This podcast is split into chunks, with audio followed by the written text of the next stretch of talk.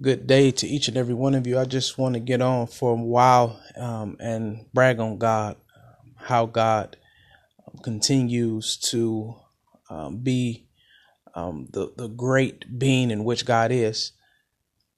God is, I put a post up on Facebook that says, My concept of God is ever evolving. And what I mean by that is that as human beings, as people, our concepts of God, our ideas, our the way that we conceive God varies from person to person.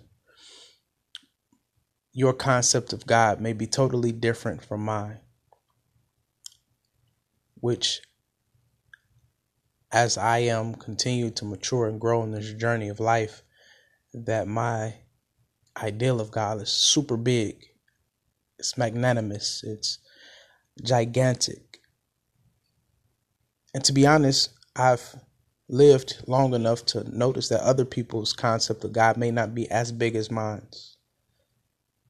They may have put God in a box.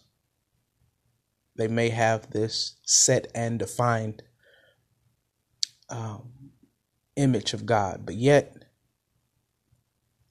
I'm not here to offend anybody or degrade anybody, belittle, but I simply have a concept of God and faith in God that uh, supersedes many others. And I just want to challenge you to whatever your image of God is, that you continue to grow and expand in life so much so that you trust God for what you need God to do. You trust God for your concept. Your concept of God is big, then have that type of faith, big faith. If your concept of God is small, I challenge you to embrace um, the concept of someone else's or even get around people to allow them to help you to expand your image of God. God has, God is what theologians would call the uncaused causer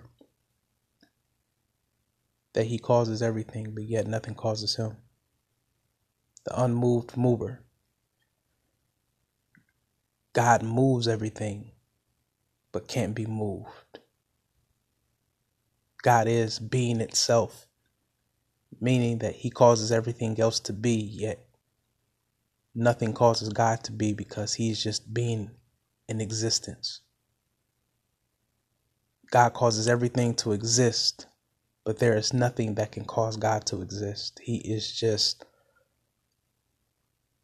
God being. Some call him superintelligence. Others call him the, the universe. But even within those confines, I believe that there are limitations and restrictions when you call God superintelligence and uh, the universe. God is the creator of the universe. God is infinite in knowledge, knows all things, is all things, can be everywhere at the same time without being anywhere at no time. God moves and never bumps himself, never interrupts himself. God is in all, above all, surrounding all. Why wouldn't you embrace a God that big? One who speaks does not have to move a finger, does not have to move a hand. Yet his words grow legs, grows a spirit, and comes into existence. He who can say light, darkness, and they form, yet not having to budge. He who put sweetness in watermelon, sour in lemon, green in grass, red in roses, fragrance and peppermint, and he who created the, the, the birds and the bees, the beast, trees of all sorts, animals of all kind, cultures of many different variations, put them in their own select places. Wow, God is just he's just big. So I mean I just want to just get on just talk about how good and how great God is and that you begin to see God and trust God um, for how big he is. God is the one who put the skill set inside of the the doctor. Put the skill set inside of the lawyer. God is the creator of whatever it is that you need. So why not go to the doctor, the ultimate doctor, the one who created the doctor, the one who created the the intelligence.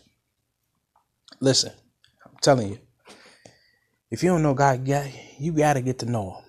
You better get to know Him, um, because I would rather have God with me and not need Him than to be in a situation to where I need God and I don't have a relationship with Him. That we have to learn to leave room for God's will as we plan and as we plot or whatever it is that we must leave room for God. All right, y'all be blessed. Peace.